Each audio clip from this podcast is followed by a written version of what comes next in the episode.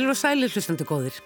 Það er komið að því í þættunum orðum bækur að hugað sumrinu hér og nú, enda há sumar. Fólk er á ferð og flugi innanlands og utan eða einfaldlega flatmaður heima hjá sér þá gerðnan með bók innan seilingar. Hvort heldur rafbók á þartilgerðu lesbretti eða fólk potar búbum í eiru sér og lætur segja sér hverja sögun á fætur annari. Sumir þeysast rundar um gardin og slít upp arvartæklu hér og hvar, snirta kanta, dástað blómskrúði og örum vexti grænmeti sem sáð var fyrir fyrir einhverju síðan. Ég gerði svolítið tilrönd til að leita að bókun þar sem gardrækt kemur við sögu, en slikt verðist alls ekki til sem bóknættakræn og yfirleitt svo mikið jáðar um fjörlunarefni að það viðurkennist hér og nú að mér tókst ekki að finna eina einustu bók þar sem hyrða, garda og ræktun plantna gegnir leikil hlutverki fyrir atbyrðarás eða persónasköpun. Hlustendur mega endilega grafa í hugskóti sínu hvort þeim kemur í hug slikt bókmyndaverk og láta vita.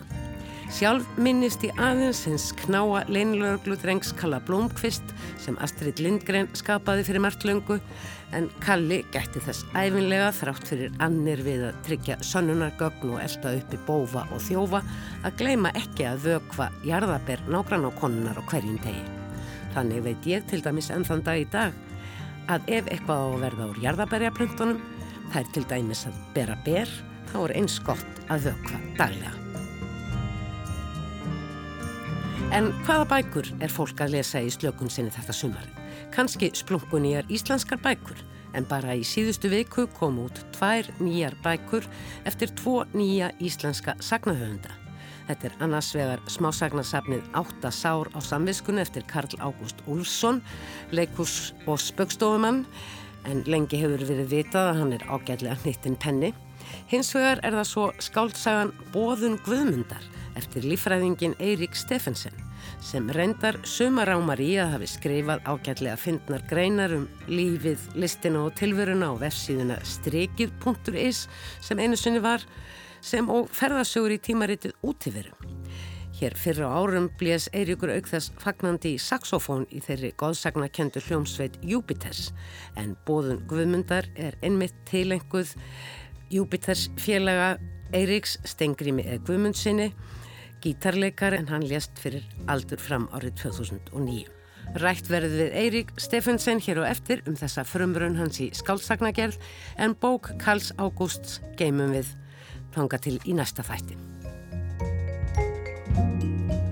Svo er það þeir sem nota sömari til að lesa bækurnar sem þeir ætluðu alltaf að lesa en náðu ekki í myrkri og önnum vetrar og þá er gott að vita að á bókasöfnum á alltaf fá allar bækur með litlum tilkostnaði.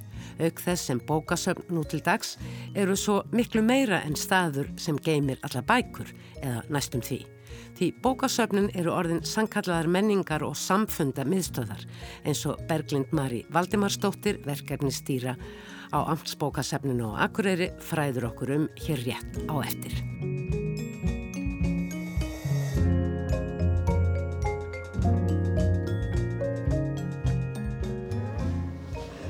Áður en ég degi. Vil ég vera góð við alla, vil ég gefa allum knús, ekki sjá eftir neinu, vil elska og virða. Ég vil vera vinnu, vinnumadur. Ég vil vera kona, maður verða 90 ára. Þess að passa fullt af krútlegum börnum.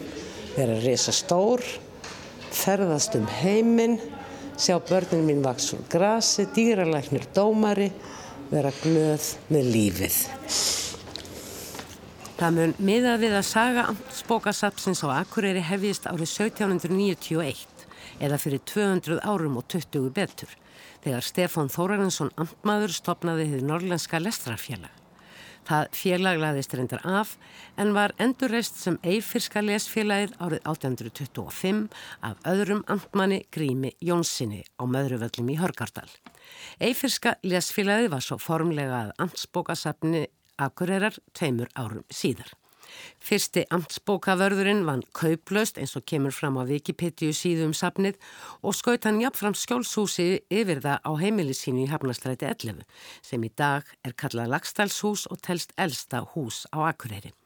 Það var svo árið 1905 að Akureyrar bær egnaði sapnið með því skilirði að byggtirði utan að það. Það gerðist þó ekki alveg strax og var sapnið til húsa á ymsum stöðum í bænum. Það var svo 100 ára afmæli þjóðskáldsins Mattíasar Jökkumssonar að Mattíasar nefnd stúdentafélags mentaskólans og Akureyri gerða tillögu sinni að reysa hús undir sapnið. Það var emt til samkeppnu um byggingun og gert ráð fyrir að hún stæði við brekkugötu þar sem sapnið stendur ennmitt í dag í afar fallegu húsi sem þeir Bárður Ísleifsson og Gunnlaugur Haldósson teiknuðu enda unnu þeir áður nefnda samkeppni. Það tók þó tíman sinn að sapna fyrir þessari stórbyggingu og það var ekki fyrir ná 100 ára afmæli Akureyrar-bæjar árið 1962 að loks var hafist handa. Tekningunum frá 1933 var eitthvað breytt, þó var þakkinu ennhaldið flötu þrátt fyrir áköf mótmæli daðís skálds frá Fagraskói sem um ára beil hafi verið ansbókavörður og kærði sig ekki um hús í hverstagslegum kassastíl eins og hann orðaði það. Húsið við brekkugötum á þó kalla í þeim stíl en stórglæsileg bygging eiga síður sem var vígð árið 1968 og síðar stækkuð árið 2001 og hafið þó upphaflega byggingin löngu sprengt allt utan á sér. Enda er amtsbókasafnið á Akureyri annað af tveimur skilduskilasöfnum landsins. Ég átti nýlega leiðum Akureyri og ákvaða heimsækja þetta glæsilega hús í fyrsta skipti og gömgefum leið hvort starfsemi bókasafn á landsbyggðinni breyttist yfir sömarið þegar skólar eru lokaðir og margir á faraldsfæti. Það var verkefnistjórin Berglind Marí Valdimarsdóttir sem tók á móti mér. Góðan daginn. Berglind. Sælurblessið. Heyrðu, hvað eigum við að Þú kannski sínir mér hérna aðeins fyrst hérna að því ég hef nú aldrei komið hingað Nei. og er nú fyrst og fremst komin til þess að aðtuga á ferðafólk sem kemur til Akureyrar á það að gera sér erind í safnið. Já, bara endilega, við hvetjum fólk bara endilega til að kominga, það er mjög margt hægt að gera en að náttúrulega lesa bækur og skoða tímarita sjálfsögðu en svo er líka bara hægt að setjast og hafa þau hugulegt, spjalla saman. Við erum hérna með ekta ítalst kaffihús sem hún ser eina frá Ítalíu rekur og þar náttúrulega sko gerur hún allt frá grunni, veist, allt frá konfettmólum og upp í nallþórur og heitar rétti í hádeginu. Mjög hugulegt að setja þarna og mm. skoða nýjustu tímaréttin. Svo er fyllt að leikfengum inn í barnadild og bara, já, ímislegt að þetta gera. Mm. Teikna mandalur. Ef ég hef nú til dæmis alveg glemt að taka með mér lesefni, var ég að vilja lesa einhverja bók heim og skilda hana eftir, gæti ég komið hingað, fengið hana að lána það og skilaði henni eh, einhverstar annar staðar á landinu? Uh, því miður gengur það ekki þannig fyrir sig. Það, hérna, þetta er ennþá bara svona fast við hvert sveitafélag út af fyrir sig mm. og þetta tengist í rauninu útsvarinu en þú gæti náttúrulega sko fengið í bókasapskýrtinana og borga það árskjald sem er 2500 krónur og ef við hugsaum hvað bók kostar út í búð þá er það ekkert svo mikið, svo kannski kemur oftar en einu svona ári eftir villinga til akkurirar og þá getur við bæði fengið sko leiðar DFD myndir og spil og bækur þannig að þá er kannski komin ágætti snýting á þetta kort. Þetta er mjög gömul stopnun ansbókasafnað akkuriri. Jú, passar.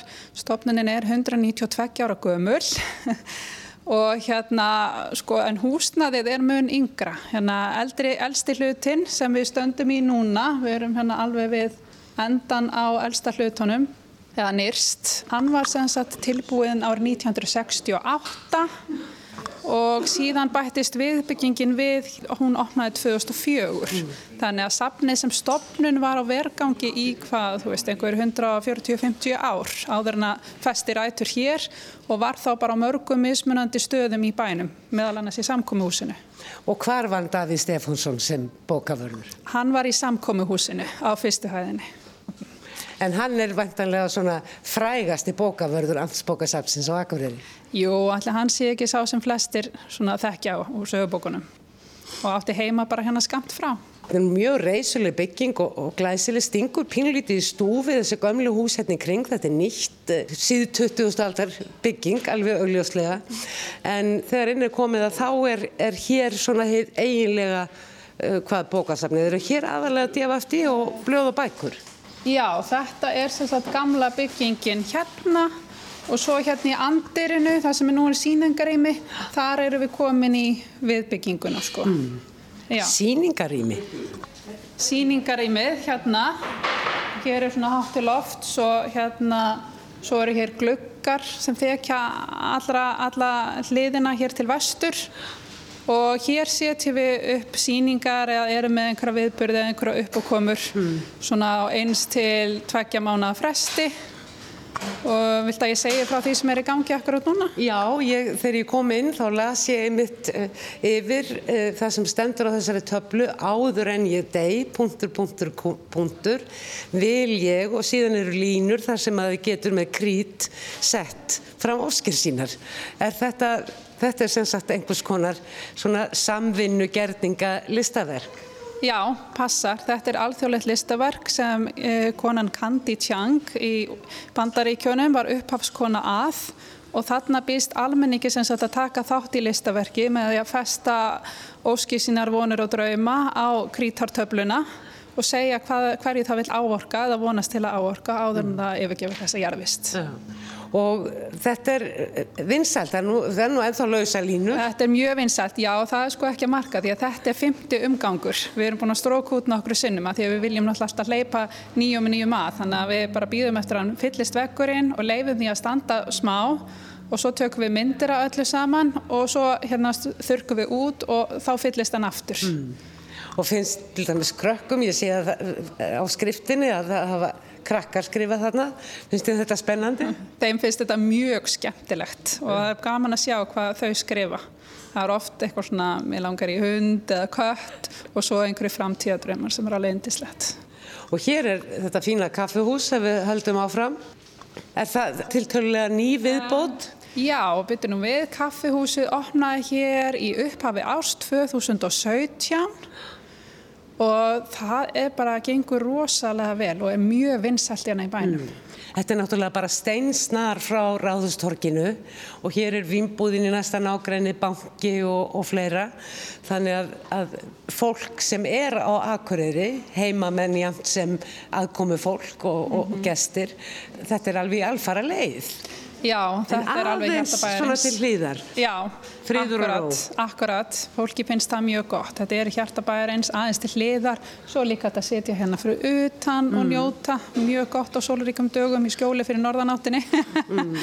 og þannig að þetta er bara alveg einsinslegt. Ég sá á heimasíðun ykkar að þið eru með svona til dæmis einhvers konar hérna prógram fyrir börn uh, yfir sömarmánuðina að svona halda að þeim bókinni svona meðal annars. Og sko, það er í rauninni tvennskonar. Í júni hérna, var námskeið, vikulant námskeið uh, á þryggjafinna tímabili sem kallast uh, Sumarlöstur Akureyri bærin minn og þá hérna, það var fyrir börn sem voru að ljúka þriðja til fjórðabekk og þá hérna sem sagt er mikið lagt upp úr indislestri en þau eru líka heimsækja önnur söfn í bænum. Þannig að þetta er líka læsi í víðum skilningi, mm. menningalæsi í rauninni.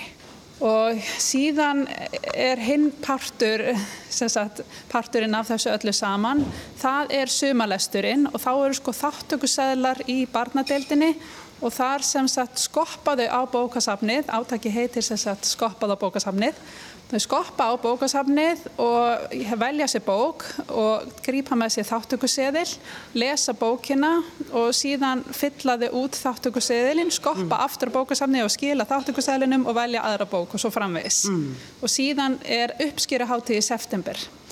Og er þetta í fyrsta sinn sem þið prófið þetta eða hafið þið gert þetta núna í nokkur sömur? Þetta hefur verið gert í nokkur sömur. Vinsælt? Já, mjög vinsælt. Það er kannski svo litið eftir veðri? Jú, jú, það má segja það. Núna er sko ferðamánuður þannig að þá kannski er svona sumadaga svolítið rólegt en svo reyndar getur verið líka alveg brálega að gera. Á mánudagin komið til dæmis 8700 mann sérna. Og... Hvað ert að segja? Já, mm -hmm. þannig að þetta getur verið allavegana. En mér finnst þetta merkilegt þessi samvinna safnana. Þetta er svo litið óvinnilegt. Ég veit ekki til þess að til dæmis að þetta sé í höfuborginu. Þau eru reynda með síningar í borgarbókasafninu stundum sem tengjast bókum en ekki kannski samvinnu við önnur söfn í borginni. Það hafa verið mjög mörg samstarfsverkefni að undanförnu og það er nú líka liður í uh, núgildandi menningastöfnu bæjarins. Það er áhersla lögð á samstarf og við erum bara mjög sterk saman og gerum rosalega skemmtilega hluti þegar við vinnum saman og einhvern veginn nýtum þá þann mannabla sem til er hérna innan safnageirans hérna á Akureyri. Og eru þið þá að draga að bækur og efni sem að mögulega tengist til dæmis leiksýningum sem fara upp í bænum eða tónleika, tónleikum eða tónleikaröðum og náttúrulega myndlistasýningum, listaverkabækur? Um, já, sko þessi verkefni sem hafa verið hafa til dæmis samstarfsverkefni hérna í samvöldu við fullveldisamalið þá var sagt, eh, amtsbókasafnið í samstarfi við héraskjálasafnið og minnjasafnið Akureyri. Þá vorum við með síningu á gamlum myndum sem sagt mhm. frá fullveldis árinu. Ljósmyndum? Ljósmyndum, já. Það voru bara sagt, prentaðar út á reysastórar filmur í svona cirka A1 starði eða eitthvað slikt sko og þær voru þá hengdar upp hér og þá skáttu þess að það var allt nýtt í þetta sko frá söfnunum þremur sem áttu mm. hluta máli. Ljósmyndina voru frá minnjasafninu, hér að skjálasafni komið fróðleg og síðan svona ég sem verkefnastjóri held einhvern veginn utanum þetta og síningarastæðan hér var Og kannski jáfnveil einhverjar bækur frá já, þessum tíma? Já, eitthvað svoleið sko. mm. sko. Þannig að þetta einhvern veginn nýttist allt í þessari síningu. Nú er náttúrulega eh, svona hlutverk bókasafna og viðmóta allt. Við stöndum hérna í miðjunu og við tölum alveg í eðlilegum hljóðstyrk því að oft tengir maður bókasafn þögninni já, já. og maður kvíslar á bókasafni og svo framvegs. En það hefur nú margt breyst á síðustu áratögum og bókasafnið er öðrum þræði eins og þú reyndar eh, eh, komið inn á, öðrum þræði einhvers konar menningarmiðstöð. Já, hlutverk bókasafna hefur breyst mjög mikið á undanförnum árum og eins og segir, þetta er orðin mun meiri menningarmiðstöð, það er ekki lengur þannig að maður þurfa að læðast með fram vekkjum á sokkunum og með valla nærra sko. Nei, nei, það var nú kannski ekki þannig, en þú veist hvað ég á við. Og hérna, núna er þetta meira staður fólksins og svona þetta er talað um þetta sem sko hvað kallast það þriðja rýmið mm. þetta er staður sem krefur samt einskis af þér það líkur ekkert, sko hangir ekkert á spýtunni þú getur komið hann og verið bara uh, eins og ert þú veist, þú getur lesið hérna bók en þú þart ekki að kaupa kaffibodla mm. og hérna þetta er staður sem sko fólki gefst tækifára og að vaksa, dafna, lifa, skapa taka þátt í samfélaginu og upplifa mm. veita fólki stað til að bara afla sér þekkingar og vera Já. til án þess að sé að krafist nokkurs af því. En bækurnar eru jú upphafið, kannski hjartað í safninu, jú. þar sem allt blóðstreymið fer um. Eh, er mikill munur á hvað fólk kemur og fær lánaða bækur millir ástíða? Góð spurning. Já, ég kannski er ekki minn ennar tölur kannski þannig í höndunum en svona upplifininn er svolítið svo að hérna fólk er ofta að lesa sko svona hvað segir maður, svona afþreyingar bókmyndir bara og, og léttara efni. Já, léttara efni, hún Kolgan, hún er rosalega vinsæl, kannski kannast margi við til til einn hérna sömaræltusflóru og litla bakari við strandgötuna og það allt saman, það er mjög vinsælt og svo sjálfsögðu allir krimmarnir Það eru rosalega vinsalir, Child og mm. Kepler og Nesbu og allt svoleið. Sko. Já, þessar þýðingar. Já. Það er greinilegt að, að maður förða sér stundum á því hvað þetta er rosalega mikið en þetta fellir í kramið og fólk vil gætna að lesa þetta kannski einmitt yfir sumarmánuðina í gardinum undir sóllíf. Já, algjörlega og ef það er ekki gott viður þá vil að kúra upp í sófa með teppi og mm. lesa bækurir fyrir allt viður. Já, akkurat. Er þú bókasapsfræðingur eða upplýsingafræðingur heitir það vist í dag? Nei, ég er nefnilega ekki upplýsingafræðingur að mett, ég er menningamidlari. Ég er með BA í þjóðfræði og svo er ég með masterskráði í hagnýtri menningamidlun. Ég skil, þannig að, þannig að þú ert á gullri réttum stað. Já, ég vil bara halda það, mér líður óskup veljana. Eitthvað fleira sem við ættum að gömgefa, er þið bara á einni hæð? Uh, nei, það er hæðinu frá ofan líka. Ok. Já, ef þú langar að kíkja. Já, Sko hér eru við með Vélarnar spilar plötur úr skildu skilum alla þriðju daga í sumar. Ég skil þetta nú ekki alminlega. Já, svona þegar ég horfa á þetta með þínum augum þá sé ég að þetta hérna, er kannski svo litið óljóst. Hann Vélarnar, hann er sem sagt DJ, svona plötusnúður hérna í bænum. Hann heitir Arnar og kalla sig Vélarnar. Og hérna plötur, þetta er bara svona vínirplötur Já. og skilduskil. Amtsbókasafnið er sem sagt líka skilduskilasafn. Það er sem sagt eins og landsbókasafn þá gegnir að varvislu hlutverki þannig að stór hluti bóka er gemdur þannig að í kjallaranum og það má ekki lána þau gögn út úr húsi, það má bara skoða þau innan hús og þetta er ekki bara bækur, þetta eru plötur, þetta eru geisladiskar, þetta eru bæklingar, þetta eru rúmfattalagarsbæklingar, hagkursbæklingar, bóðskort, bara Allt mögulegt, dagatöl, já, allt brentamál og þau eiga satt í skilduskilum er eintak af öllu útgefnu efni á Íslandi.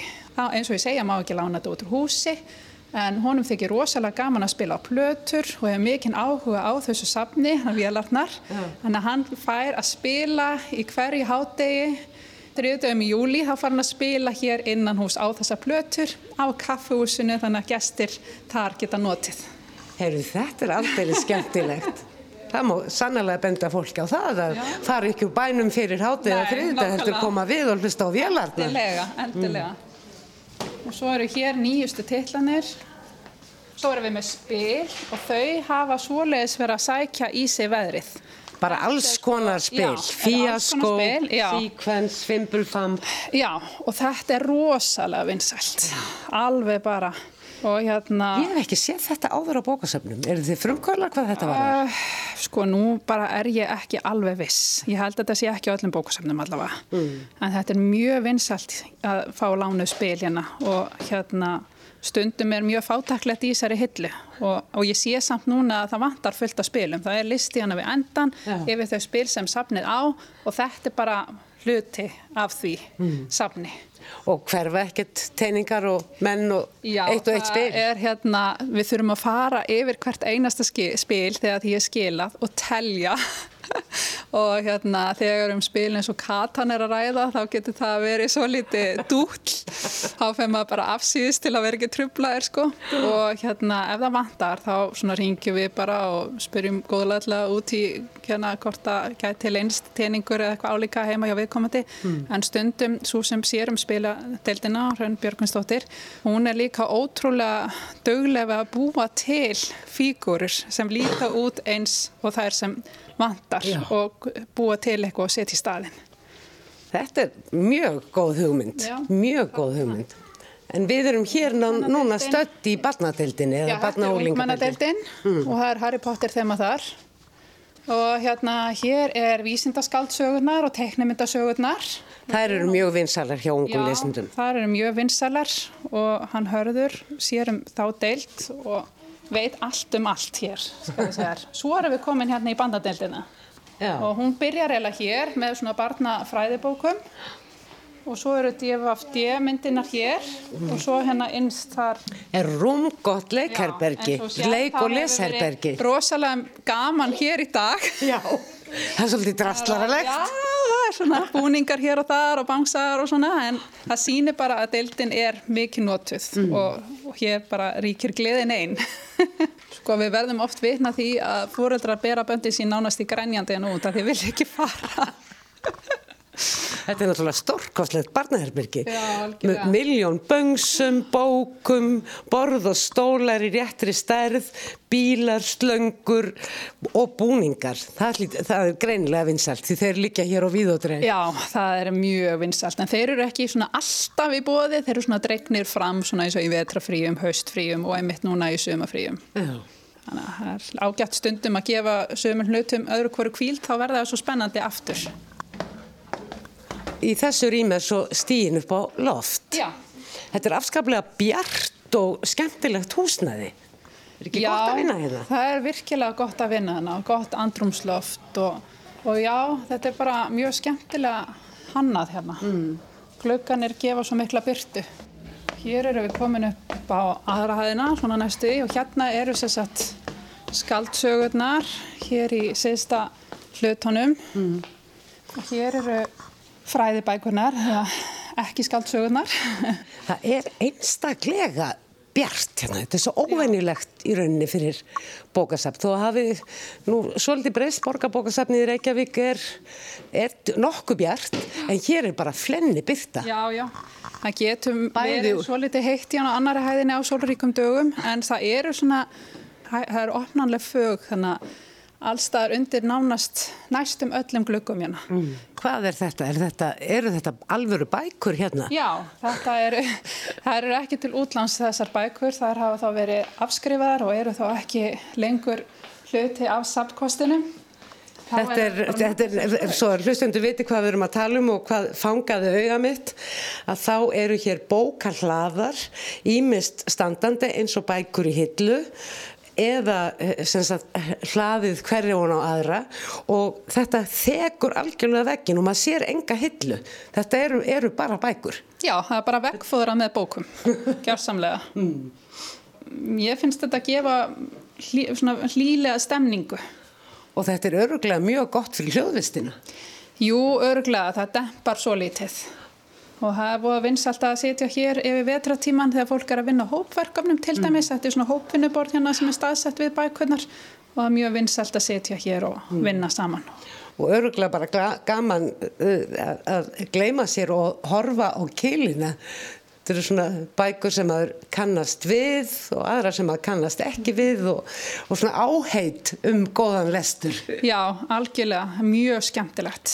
Svo verður ég að sína þér hérna mjög skemmtilega geimslu sem allir með að ganga í. Hún kallast Gamalt og gott og hér eru sem sagt bækur sem eru flestar eldri að komu flestar út svona fyrir árið 2004 og það er mjög vinsalt að fara í þessa geimslu og finna sér efni til að lesa og vinsalasti höfundurinn hér inni er sannlega Guðrún frá Lundi. Já. Það er nú komið þó nokkur ár síðan að Hún yfirgaf þennan heim Jú. en hún er nú samt ennþá í topp tíu yfir vinstalustu höfundina. Hanna bækur. Það er alveg óvíkjandi. Já, algjörlega, algjörlega. Mjög vinstalt að fara inn hér og finna sér lesafni. Og þetta eru bæði hérna, bækur eftir íslenska höfunda og erlenda en bækur á íslensku. Já, það eru nú reyndar alveg nokkrar hérna á allavega ennsku En flest, lang flestar eru á íslensku, mm. já, passar. Ég, veist, það er til dæmis og eftir mjög þáttari tvönda eins og Stephen King til dæmis, já. það eru til nokkrar á ennsku og svo les. Mm. Það þarf að vera einhverja bækur sem virkilega standast tímanstönn eru vinsælar í útlánum. Þetta er svona klassiska orðn. Já, þetta er svona, þetta er kannski, ég má segja þetta sé rjómi. þetta er gamla, góða viskið. Já, já, já, já það, það má algjörlega segja það, já. En ég vil nú bara segja að þetta er virkilega þess virði að leggja leið sína í amtsbókasafnið bæði svona bara rýmana vegna og arkitektúrsins vegna og starfsemina vegna. Erum við búin að fara í gegnum allt? Uh, Þetta er nú talsverst. Já, ég hugsa að þetta sé nú bara að verða komið sko. Já, Já svo er hérna lærdomsaðstæða eins og ég segi sem er mjög vinsalega við vetratíman. Mm. Svo má líka setjast bara niður Eh, ferðamenn útfæri sér það mjög mikið þegar koma skipunum hérna og heimamenn líka en maður sé kannski teku meira eftir ferðamenn setjast hérna og horfa bara út um gluggan og bara stara. Ég er ekkert endilega að gera neitt. Það er náttúrulega líka að... frábært útsýni. Já, mjög gott útsýni. Það er sjá þannig alveg yfir, yfir fjörðinn og hérna, mm. að skipunum og, og bara njáta þess að láta hugan fara flög. Bókasapn er góður staður, Berglind. Ég get alveg tekið undir það. Ég þakka þér innilega fyrir. Takk sem leiðis. Úr björtum sölum ansbókasapsins á Akureyri likur leiðin út á Seltjarnanis þar sem við hittum fyrir Keikan Höfund með fyrstu skáldsögu sína nýjútgefna í hendi.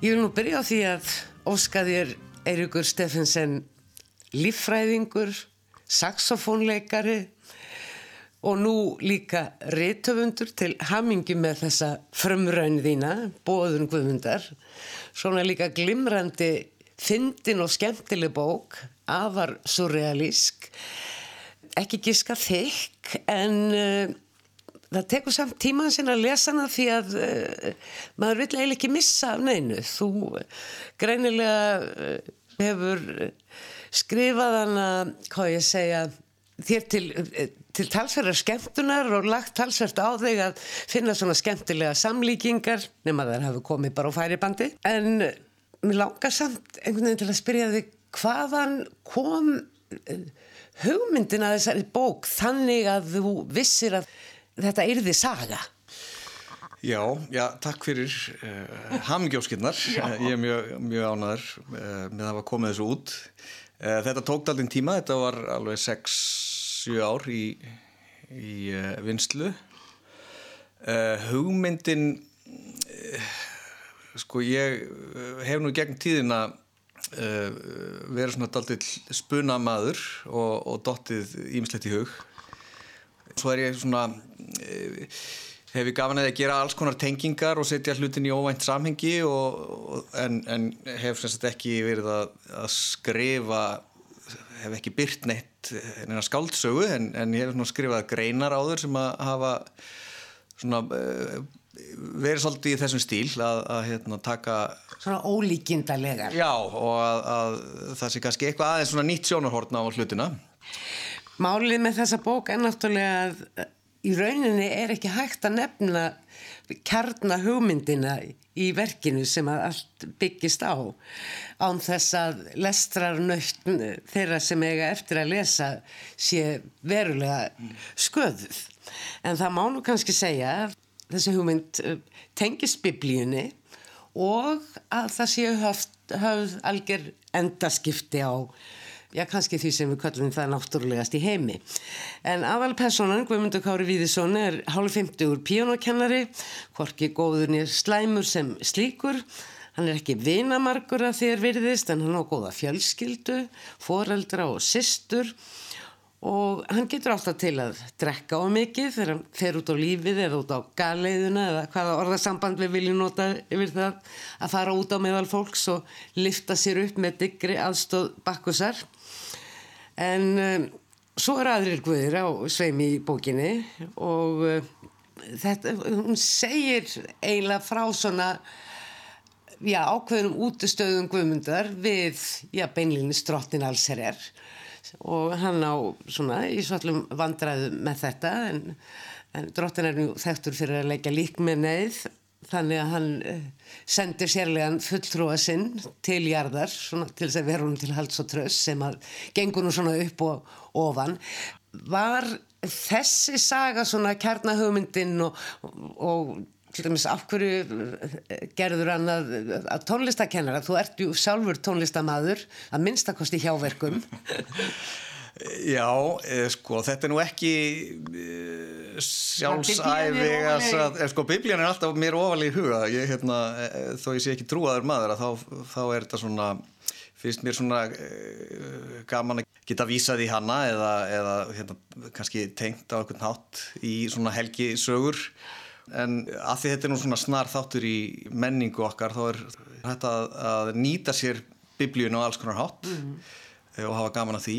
Þetta er bók, bókana Þetta er bókbókana, já. Sko það sem að er nú ertu búin að lýsa Guðmundi eins og hann er hann er svona breyskur og, og ekkert sérstaklega kannski vel hefnaður þannig. En, en, en besta skinn besta skinn, já já einmitt.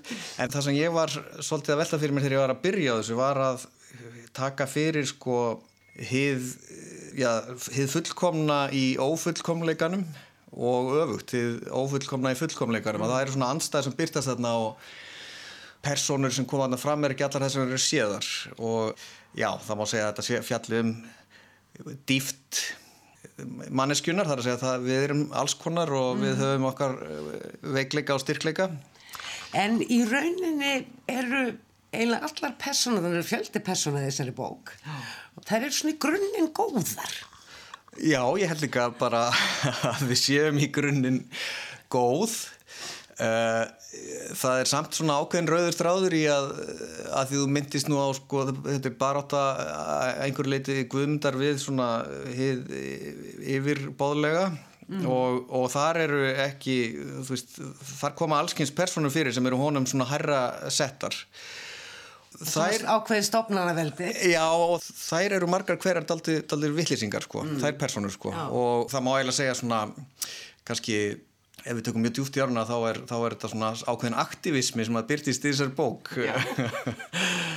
Þó að sé kannski ekki mjög framarlega í sjálfur sögunni þá er svona hægt að, hægt að ná í hann þarna viða En það er aldrei skemmtilegt sko hvernig ekki bara Guðmundur heldur mjög margir í umhverfans svona eftir að hafa áttað sig á uh, þessari undarlegu stöðu að þá svona reyna þeir frekar að skilja og, og taka þessu en ekki að útskúfunum eða, eða lítillækkan og lítilsverða. Já, þetta er næstu því eins og hérna förunit í ringsins, sko. Það sapnast saman hérna fólk úr ímsum áttum sem ákast ekki margt saminlegt, mm. en þetta verður svona þeirra uh,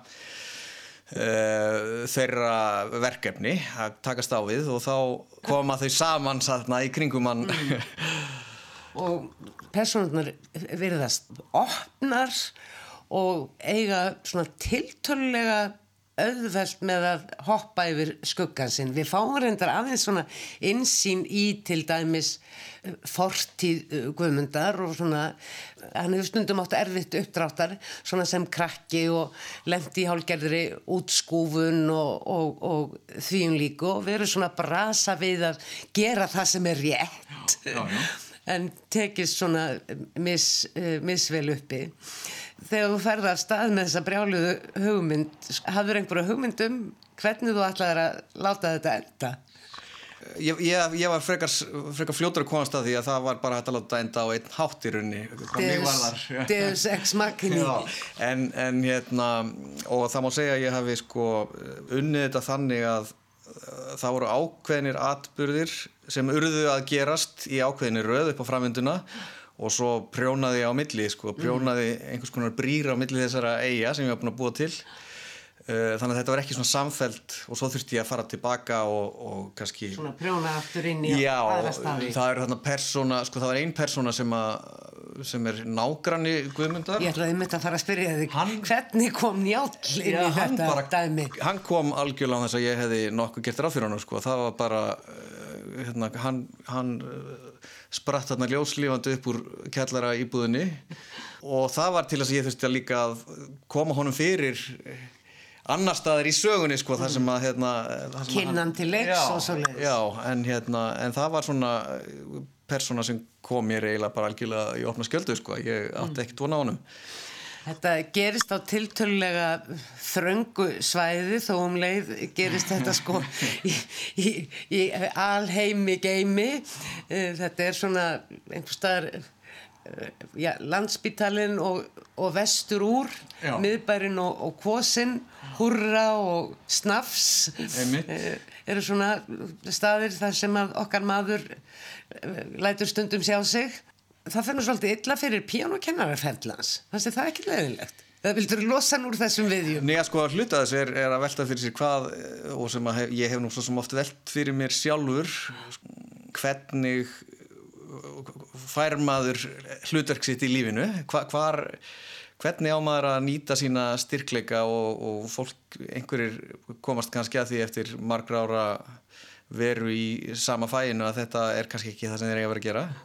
Og í einhverjum tilvægum er valið tekið af þeim en, en, en, en það er svona það skýnd aldrei í gegna, Guðmundur hafði nokkið miklu ánægja þessu, þessum, þessari píun og kjenslu en já, að þú minnist á, á uh, svona landfræðilega umgjörð þessara sögu þá hafði ég á tímabili dállar áhugir að þeir væri fyrir að ráfa alltaf um þarna mikið í sama svæði sko.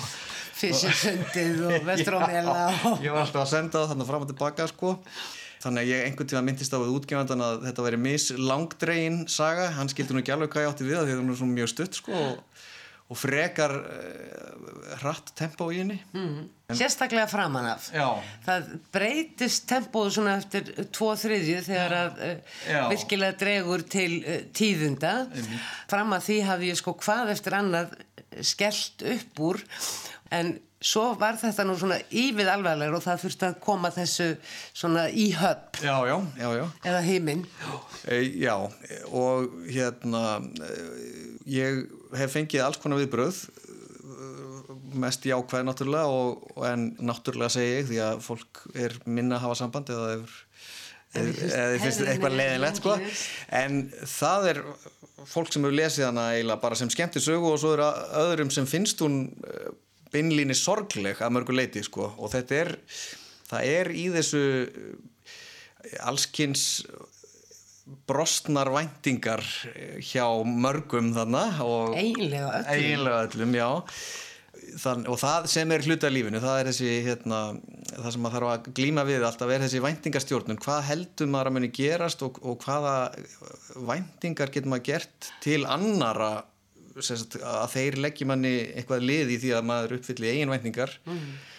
Og væntingarstjórnun er, er góð svo að þetta verði ekki einhver örvæntingarstjórnun á endanum sko þegar allt, mann finnst allt hafa mm. uh, misefnast mm. og ekkert gengið eftir sem að maður hafi væntingar um þetta fjallar mikið náttúrulega um breyskleika og mm. svona eiginleika sem að mér finnst þegar ég hef orðið varfið á í eigin fari að þá hefur mér stótt að miður sko og eins og mm. til dæmis sjálfsvorkun það er aldrei að henni þannig Já. mínar vestu stundir hef ég átt þegar ég sökkum mér í sjálfsvorkun og það er eitthvað sem að maður þarf að vilja vanda sér svolítið að já, ef við erum ekki alltaf að bjóða sér upp á það þann, mm. þann hægindastól mm. sjálfsvorkununa því að það er þægilegt að sitja þar og kenna einhvern veginn öll öðrum og svo er fleira það er hérna hegómi og, og snopp og hróki og, og afbríðisemi og þannig að þetta er auðvitað er þetta eh, flest allt einhverjar, einhverjar tilfinningar sem eru sjálfur upplífað Þetta er svolítið dæmisaga. Já, já þetta er það. Og hérna og Máur minn hafði ekki komist í að lesa þetta að því hann var að lesa Nietzsche. Ég sagði hann með öll svörum væri í þessari bók líka sko og miklu öður lesnari Svo við vendum okkar hvaði kross. Tónlist er þarna líka mjög mikilvægur þráður gegnir mikilvægur hlutur ekki bara er guðmundur uh, píjánuleikari heldur eða píjánukennari öllu heldur, hann spila nú og fremur sjálfur ekki mikið af tónlist. En það er talsveit af tónlist í umhverfinu og tónlist er leikinn og uh, þú leifir þér að fara inn í það að opimbera sko hágöðugasta uh, eðli tónlistarinnar hreinlega bara umbreyta manneskjum láta þær falla í slíka stafi að þær verði ekki samar eftir og gera jáfnvel hluti sem að mig alls ekki gera. Já, já, það er hérna, máttur tónlistarinnar mikil. Mér veist tónlist er svona í dásamlegasta fyrirbærið hjá manninum, það er tónlist og þó hún getur líka verið alveg hróðalega auðvitað en, en, en hérna, þetta fyrirbæri er stórmerkilegt. Og ég leik mér aðeins að því að láta tónlist hafa þarna sömu áhrif og, og e, personan í ilminum eftir sískind hérna, nær með, með sínu, sínu innvats eða ilmgerð. Já. og tónlist hefur óneitanlega mjög mikil áhrif og getur haft mjög mikil áhrif á fólk og ég fer bara með það alla leið þannig. Eins og ljóst má vera og eftirfærandi broti úr sögunni, við erum stödd í Landakottskirkju. Þau settust á þriðja bekk og hlustuðu með andagt á orgelverkið og hvernig mismunandi rattirnar eldu hver aðra og fléttuðust saman eins og þræðir í vefstól. Organistinn knúði vefstólinn af miklu móð og óv revil með reglulegu og endurteknu minstri úr marglitu garninu. Fegurðin fyllt í rýmið og tróð sér í allar glöfur og skott og nú var nunnan hætt að ríksuga og ljósmyndarinn sestur á aftasta bekk með lokuð augun. Revillin sem organistinn of tengdi saman þessar örfáu hræður og þau deildu í smá stund andartæki sem þau myndu væntanlega öll gleima en gerðu að örlítið betri manneskjum þótt ekki væri nema bara á þessum stað og þessari stundu. Þegar síðustu tónar verksins dóu út leitt organistin við eins og hann væri að átta sig á því fyrst þarna að einhver hefði geta verið að hlusta. Hann nikkaði ópersónulega til þeirra og veitti svo gæru úlpu af stól, klætti sér í hana, tók nóturnar af púltinu, laumaði þeim í lúnan leður hlýðartösku og röldi síðan út gangin. Þau sátu þegjandi eftir í smá stund þar til Guðmundur sló með báðum höndum á lær sér og færði þungan yfir á tærnar eins og hann hýðist jæja sig á fætur. Býtu, hvíslaði Gabriel enn með lokuð augun og hreyfði fingurna ótt og títt í lausulofti. Býta aðeins. Svo stóð hann skindilega upp og settist við orgelið. Hann þreyfaði varlega á vendlum og tökkum, opnaði og lokaði fyrir loftstreymi um pípur af allskynns stærðum og gerðum, prófaði sig áfram með að stillingu sem hann var sáttur við og byrjaði svo að spila. fyrst varfærnislega, næstum feimnislega og svo af aðeins meira öryggi. Fyktaði í rofum, bætti inn röttum og blæbriðum og breytti áferð hljómsins. Það tók sískininn smá stundu að átta sig á því að Gabriel var að spila sama verk og þau höfðu verið að hlusta á en það hljómaði allt öðruvísi enn hjá organistanum. Það var eins og hann hefði rakið upp revilin og byrjaði upp á nýtt með sömu grunnmynstur en aðra liti. Lítirnum voru ekki lengur metafóriskir heldur sínilegir og ekki nómið það heldur fannst Guðmundan nú finna lykt og bragð af tónlistinni.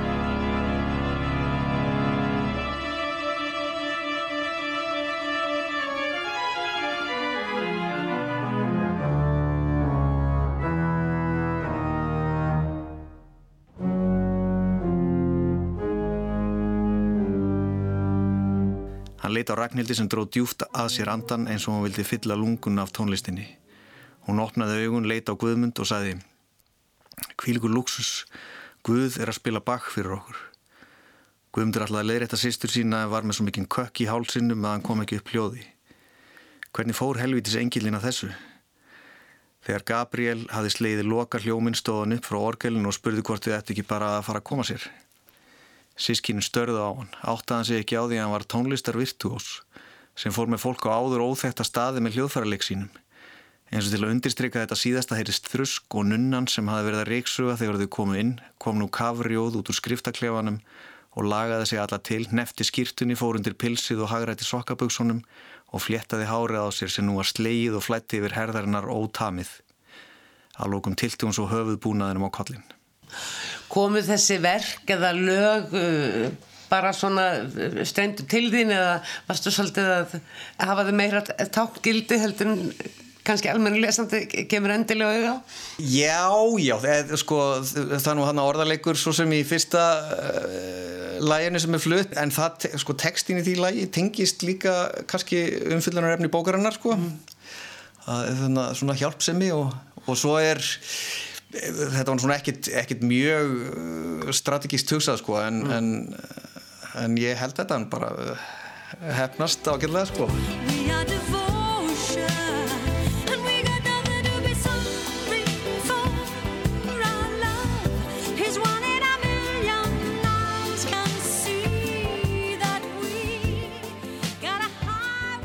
nei, fyrir ekki, nú var ég að tala um annað lag, sko, fyrsta lagið er náttúrulega bara algjör brandari, sko, það er þannig að þá faraði saman í karaoke eh, Guðmundur og, og vinnur hans. Ég var að tala sérstaklega um hérna uh, lagið sem að vinnur Guðmundar spilar á snaps á píanóið, sem sagt uh,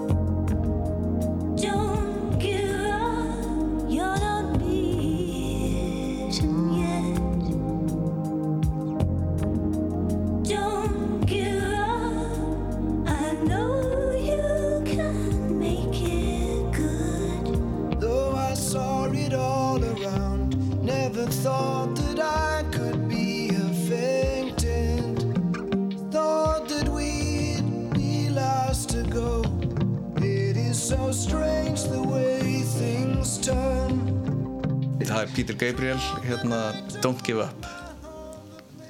Það var það að koma. Já, það, það var uh, svolítið svona að, og, og þetta var svona lag sem ég hlustið á þegar ég var um tvítugt held ég.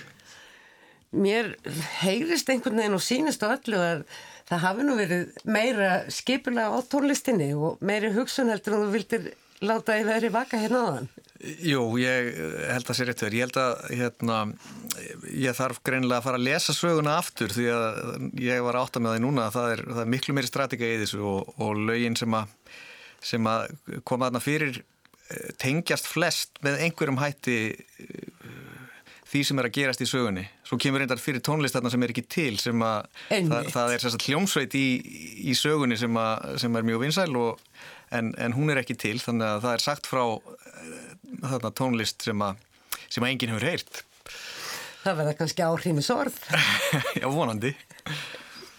Þetta er nefnilega svolítið, uh, allar þessar aðstæður gera verkum að Guðmundur svona svolítið getur byrjað upp á nýtt. Já, já, þetta er algjörlega svolítið mm. hérna, dæmisaga um að um það er hægt að hérna, það er hægt að söðlum algjörlega mm. og gera uppreysn í leðinni. er þetta bara búið að vera svona kantinum hjá þér þessi saga og hefur gripið henni í sömarfríum eða 5-7 ári talsverðu tími. Já, þetta er hérna, þessi hugmynd hefur bara ekkert látum í friði. Fyrst ætlaði ég að skrifa stuttmyndahandrit og, og, og það er daldið augljóst á bókin að hún er svona, ah. er svona kannski þannig hugsuð að hún geti að hún er myndræn svona mm. svo var ég nú bara að ræða þetta við Guðmundandra Tórsson, vinn minn sem að og ég hef svo mikla þrú á sérfræðingum þannig að ég fór að rætti við hann um þetta hvort að þetta gæti verið efni í skáltsögu og hann kvatti mig bara áfram en það fór mikill tími í svona að hugsa þetta og, mm. og svona velta fyrir sér forminu.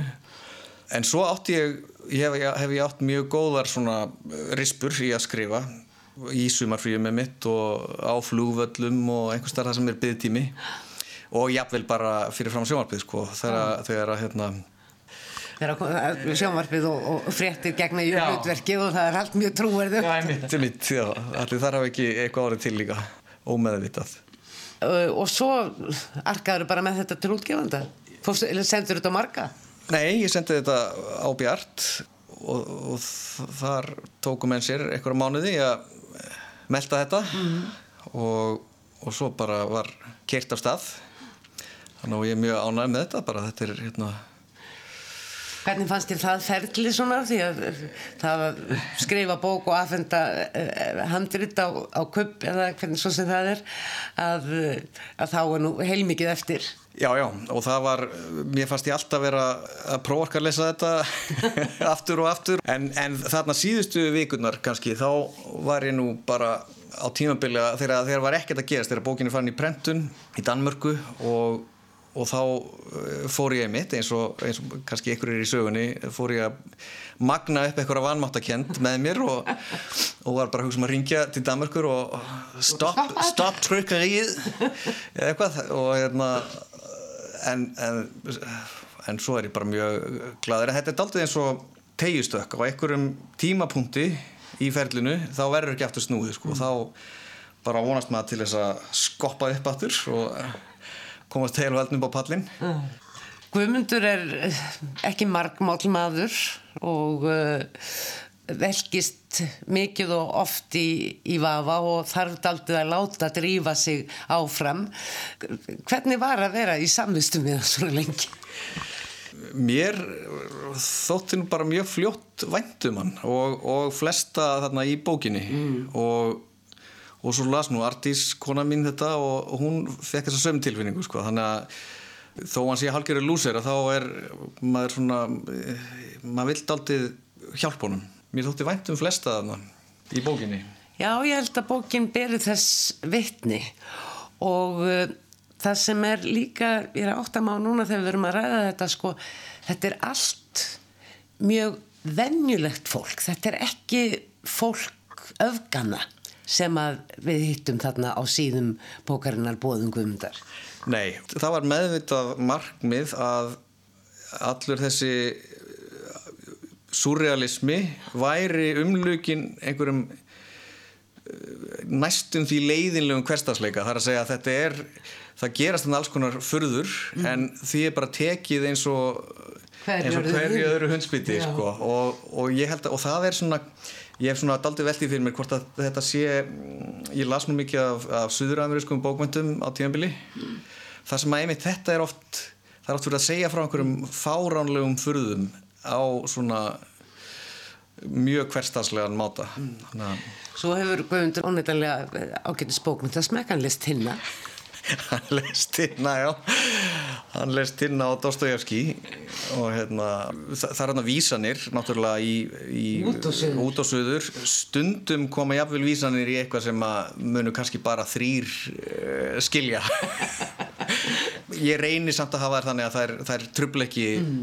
en það getur verið svona uh, svona konfettmóli með smá fyllingu fyrir, fyrir einhverja lesendur mm. Þú ert svolítið að halda jafnvægi á egginni með þessa stóru almennu tilhauðun til, til bara allra lesinda sem kæra sig um að opna þessa bók. Og svo ertu líka öðrum þræðið bara svona í samtali við svona, já, einhvers konar kreðs. Einhver hefur nú sagt að maður, maður sé alltaf með einhvern lesenda í huga þegar maður skrifa mm. bók og svona eftir á þá og eftir að hafa fengið viðbröð frá bróður mínum þá veldi ég fyrir mér hvort ég hefði skrifað þetta fyrir hann ég var ránað með þetta sem kannski þýðir að ég hef bara beinlega skrifað þetta fyrir mig en, en mér fannst þetta mjög skemmtilegt Heyrðu, ég vil bara hverti alla til þess að eiga þá gæðastund og gamanstund með tilhýðilegri dýft við lestur bóðunar Guðmundar og óska þér Eirikur Stefansson enn og aftur til hamingi með þessa skemmtilegu bók. Takk fyrir. Fleiri verða orðum bækur ekki að þessu sinni. Takk fyrir að hlusta. Verði sæl.